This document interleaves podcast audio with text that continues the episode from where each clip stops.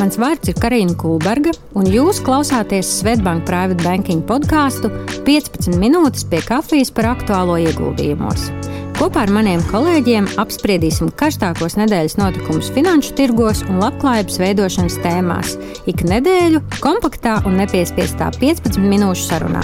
Klausieties mūsu podkāstu Spotify Svetbank Private Banking kontā, spiediet follow un zvani ikonu, lai nepalaistu garām jaunākās sarunas. Lai labi skan un uz tikšanos! Labdien, mīļie klienti! Nu, šodien man ir prieks ar jums tikties jau tādā pavisam pavasarīgā gaisotnē.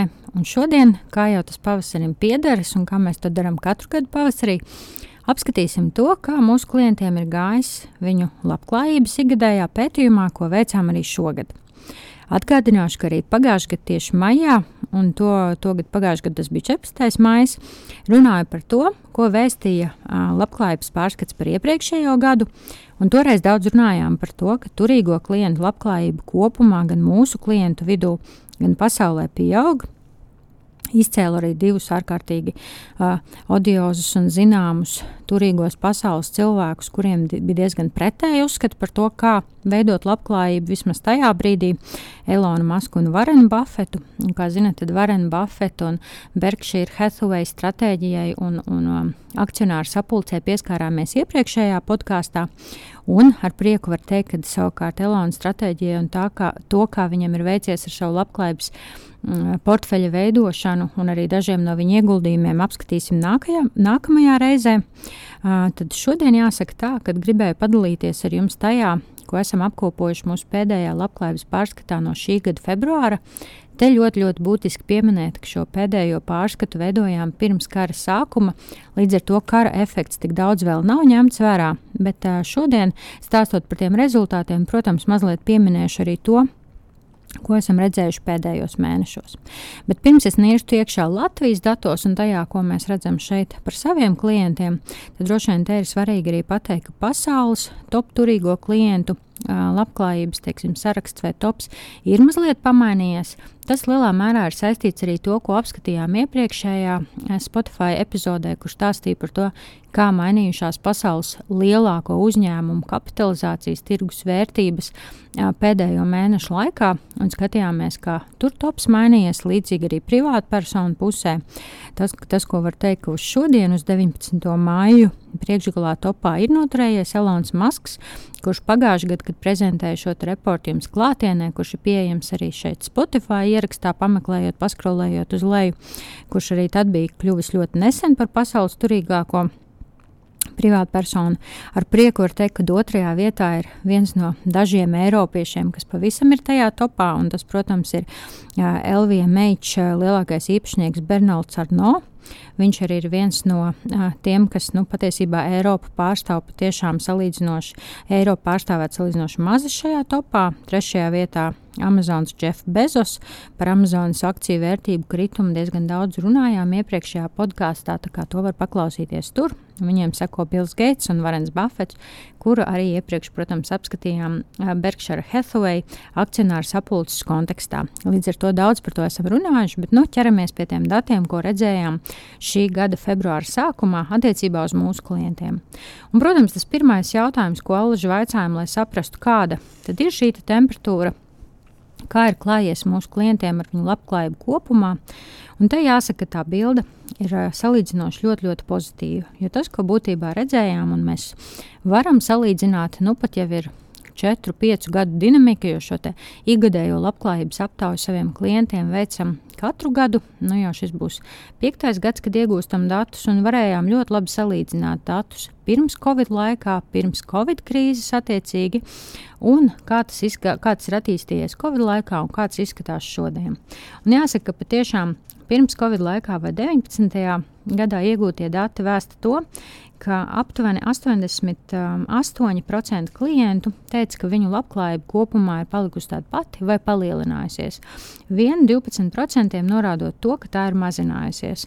Tad jāatzīst, ka Covid laikā bažas pieauga un vairāk klientu, mazliet lielāka proporcija minēja to, ka šī labklājība ir mazinājusies. Lielākā proporcija to sasniedz 20. gadā, kad tāda bija 23% klientu. Un kopš tā laika ir mazinājusies. Ja runājam par šī gada pavasari, tad tāda bija vien 16% klientu, kas minēja, ka tā ir mazinājusies.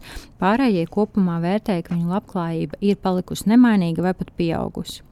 Un, protams, tas, kas mūs interesē, runājot ar jums par jūsu labklājību, nu, kas tad ir tie avoti, kas jums palīdzējuši labklājību ilgtermiņā veicināt, un par kuriem arī mēs varam palīdzēt domāt kopā ar jums, kā šo labklājības portfeli veidot. Tad jāsaka, ka dālaži katru gadu tie avoti, kas palīdz veidot jūsu labklājību, ir trīs. Un uh, mainās, un, ja tā var teikt, tikai nu, tas, tas tops vai tas izvietojums. Un, protams, pamatā ik gadu mēs pašā top uh, augšņā galvgalī redzam jūsu pašu uzņēmējdarbību, kam tā arī, protams, būtu jābūt, kuru veido lielāko daļu no jūsu labklājības pieauguma. Tādiem nu, teiksim, pasaules turīgajiem cilvēkiem kā Elonam, Maskam, Varanam, Buffetam, Jeffam Bezosam, protams, šo labklājību no uzņēmumiem var mērīt būtībā katru dienu tādā ļoti, ļoti tiešā izteiksmē, par cik tie ir um, biržās tirgot uzņēmumi, nu, kas veido viņu labklājību un novērtēt, vai tā pieaug vai tā krītās. Mūsu klientiem iespējams tas ir vairāk tāds uh, ilgtermiņa cipars un skaits, tomēr uh, ļoti veiksmīgi var novērtēt, tad, tad, kā šī uzņēmējdarbība attīstās. Un otro un trešo vietu ik gadu dala divas tādas, divi tādi avoti, kas ir uh, iecienīti mūsu klientu ieguldījumu vidū, un tas ir nekustamais īpašums, kā arī ieguldījumu vērtspapīros. Un, ja mēs vērtētu, kādas izmaiņas ienesa Covid laiks šajā klientu labklājības veicinošo avotu virknējumā, tad tas, ko pamanījām, ka Covid pašā vidusperiodā pēkšņi šajos topos parādījās arī tādi, nu, varbūt salīdzinoši konservatīvi un iepriekš aizmirsti avoti kā zelts un kā depozīts bankā. Nu, tādējādi ļoti loģiski norādot, ka, protams, brīžos, kad krīze pieaug, kad risks pieaug, šāda veida drošie nosacīti ieguldījumi vai ieguldījumi, kas ir uzskatīti, nu, ka tie spēj kaut kādas, teiksim, fluktuācijas, varbūt finanšu tirgos rīkoties pretēji ar tām vai, vai novērst vai mazināt, tad šādu instrumentu um, attraktivitāte klientiem bija pieaugusi. Bet jāsaka tā, ka kopumā tas bija pavisam īsts periods un redzējām, ka jau 21. gada sākumā atbildot uz šo jautājumu, Jūs atkal atgriezāties pie daudz lielākām un augstākām cerībām par o, pašu rezultātu, pašu uzņēmēju darbībai, kā arī atkal šiem vērtspapīriem un nekustamiem īpašumam. Tas, ko varam redzēt tādā tendences izteiksmē, pilnīgi noteikti ir pieaugusi mūsu klientu interesi un ieguldījumu vērtspapīros un finanšu tirgos. Un jāsaka tā, ka šajos pēdējos četros, piecos gados, kopš arī šo ikgadējo pētījumu veicam, protams, arī rezultāti ir bijuši pietiekami labi, līdz ar to tāds likumsakarīgs rezultāts. Un skaidrs, ka arī, kā jau minēju iepriekš, šis nekustamais īpašums, kurš joprojām ļoti aktuāls mūsu klientiem. Līdz ar to arī mūsu pēdējā tikšanās reize klātienē, uz kuru jūs aicinājām, bija tieši apskatot tendences nekustamā īpašuma tirku. Uh, vēl viens no jautājumiem, kas mums ārkārtīgi interesē, nu, kas ir šis veids, kā jūs gūstat informāciju par aktuālajiem notikumiem finanšu tirgos un ekonomikā kopumā, tad te jāsaka, ka auga gandrīz visu informācijas avotu nozīmīgums jums, un tas plašākais un lielākais bija starptautiskie mēdīji To norādīja gandrīz 50, vairāk kā 54% aptaujāto, bet arī ļoti patīkami, protams, redzēt, ka arī mūsu private banking piedāvāto servisu jūs vērtējat ļoti augstu - 41%. Tam sekoja viedokļu līderi, un tad arī vietējie mēdīji un digitālai resursi. Nu, un arī, protams, šis podkāsts ir radies tieši no tās vēlmes sasniegt jums, jums ārtajā veidā, un redzot to, ka pieauguša klientu daļa norāda šos digitālos resursus.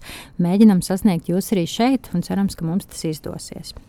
Tad vēl viena tendence, ko noteikti gribu pieminēt, arī runājot par šī gada turīgo klientu labklājības pētījumu tendencēm, pilnīgi noteikti ir tas, ka mēs redzam jau pēdējos gadus, un īpaši arī pēdējos divus klientu vidējā vecuma pazemināšanos. Ja mēs varētu teikt, ka vēl 14. gadā mūsu klientu vidējais vecums bija 57 gadi, tad jau šogad redzam, ka tas ir 52 gadi. Nu, varētu šķist šī starpība, pieci gadi varbūt nav nemaz tik daudz. Tomēr, ja mēs salīdzinātu ar vidējo šī segmenta, šī paša segmenta klientu vecumu, tā izsauktajā vecajā Eiropā, tad mēs redzētu, ka Francijā tas ir apmēram 74 gadi, Vācijā 66, arī ASV ir 66, un tad ir tādas varbūt turīguma valstis, kur tas turīgums ir nedaudz jaunāks, Ķīnā 50 un Krievijā 49. Tāpat arī jāsaka, ka mūsu klientu vidū joprojām pamatā dominē klienti, kur šo labklājību izveidojuši sava dzīves cikla laikā. Salīdzinājumam vecajā Eiropā, piemēram, Vācijā, tāda mantotā labklājība ir gandrīz trešdaļai no šobrīd turīgajiem klientiem. Savukārt ASV tā ir salīdzinoši zemāka, 18%, un arī Lielbritānijā vien 10% ir tie, kas savu labklājību ir mantojuši. Tomēr noteikti tiem, kas sako līdzi arī turīguma attīstībai pasaulē, pamanījuši to, ka viens no lielākajām tendencēm, par ko jau šobrīd kādus 3-4 gadus vēsta gandrīz visi turīgo klientu pētnieki un arī līdzīgi private banking apkalpotāji kā mēs, min to, ka notiek šis lielais pārmantojamības vilnis, kur iepriekšējā paudze pašlaik un šobrīd sāks nodot savus aktīvus um, nākamajai paudzei. Bet mazliet vairāk runājot par to, kas tad ir šis turīgais un jaunais klients, jāsaka tā, ka mēs esam ļoti, ļoti priecīgi redzēt mūsu klientu lokā ar vien vairāk um, jaunu uzņēmējus un jaunu uzņēmumu pārstāvjus. Jāsaka, ka arī viņus var dalīt divās grupās. Viens tie ir paši dibinātāji, kuriem ir izdevies savus, um, savus uzņēmumus ļoti veiksmīgi piedāvāt un pārstāvēt starptautiskiem investoriem un daļai pārdodot šo uzņēmumu daļas iegūt labklājību. Un mēs zinām par dažiem tādiem vienradžiem un arī tādiem mini-radzīšiem, kas jau veidojās mūsu tirgos. Bet tāpat jāsaka tā, ka arī šis akciju opciju likums, kas tika ieviests salīdzinoši ļoti, ļoti nesen, vien pagājušā gada sākumā, tomēr devis pietiekami plašas iespējas arī šo jaunu uzņēmumu vadošiem darbiniekiem piedalīties šajā izaugsmas stāstā. Līdz ar to varētu teikt, ka šie ir tie divi profili. Un, ja mēs runājam par to, nu, kā viņi iespējams vairāk atšķiras no iepriekšējo pauģu turīgajiem, tad te vērts minēt, protams, ka lielākā daļa no šiem klientiem ir tādi patiešām izteikti digitālie nomadi, kur ir ar pašapgūtu pieredzi izveidojuši globāli ļoti spēcīgus un atzītus uzņēmumus. Varam teikt, ka viņi daudz labprātāk, brīvāk veic ieguldījumus finanšu tirgos un iespējams daudz mazāk lūkojās uz nekustamo īpašumu kā tādu mm, interesantu avotu. Lielākoties dēļ tā, ka šis nekustamais īpašums nu, bieži vien prasa tādu daudz lielāku piesaisti geogrāfiski arī pašai Latvijai un lielā mērā šo jaunu uzņēmēju vidū redzam to, ka tie ir, protams, klienti, kas nemitīgi atrodas starp dažādām konferencēm, lidojumiem un geogrāfijām dažādās pasaules vietās. Tomēr tas kopīgais, ko noteikti varam redzēt un saprast, ka arī šiem klientiem pilnīgi noteikti ir aktu, aktuāli mūsu padomi un sarunas par to, kā domāt par savu labklājību, kā to veidot, kā to sadalīt, kā ar to apieties ilgtermiņā. Un tad nu, pēdējais, vēl tāds viena no nu, saka, tendencēm, ko gribās vienmēr pieminēt un ieskatīties tajā, ir tas, ko mūsu klienti plāno darīt un izveikt šajā gadā, vismaz plānoja februāra sākumā, ar kādiem ieguldījumiem varētu mēs palīdzēt risināt klientu jautājumus. Un šeit saskatījām to, ka vairāk kā pusi klientu tomēr norāda, ka viņi lūkojās uz iespēju ieguldīt nekustamajā īpašumā. Līdz ar to, protams, arī mūsu pēdējais klātienes seminārs tika veltīts pilnīgi noteikti šai tēmai. Gan drīz puse 47% klienti norādīja, ka viņus interesēs turpināt ieguldījumus akcijās, ko jāsaka, tiešām pēdējo gadu laikā šī proporcija klientu aizvien pieauga. Protams, arī savā uzņēmējdarbībā tie bija 37% klientu, kas to norādīja, un arī trešdaļa minēja to, ka nu, viņi vēlētos ieguldīt jau kādā gatavā ieguldījuma produktā, ko klienti arī līdz šim ļoti labi dara. Tad jau sagatavotā portfelī paši aktīvi akcijas nemeklējot. Um, priecājamies arī redzēt to statistikā, ka šobrīd viena ceturtā daļa klienti nekādus finanšu ieguldījumus neveic vispār. Tad būtībā nu, varētu teikt tā, trīs ceturdaļas to jau dara, un arī redzam, ka šī pieredze un komforts šajā jomā veidojās.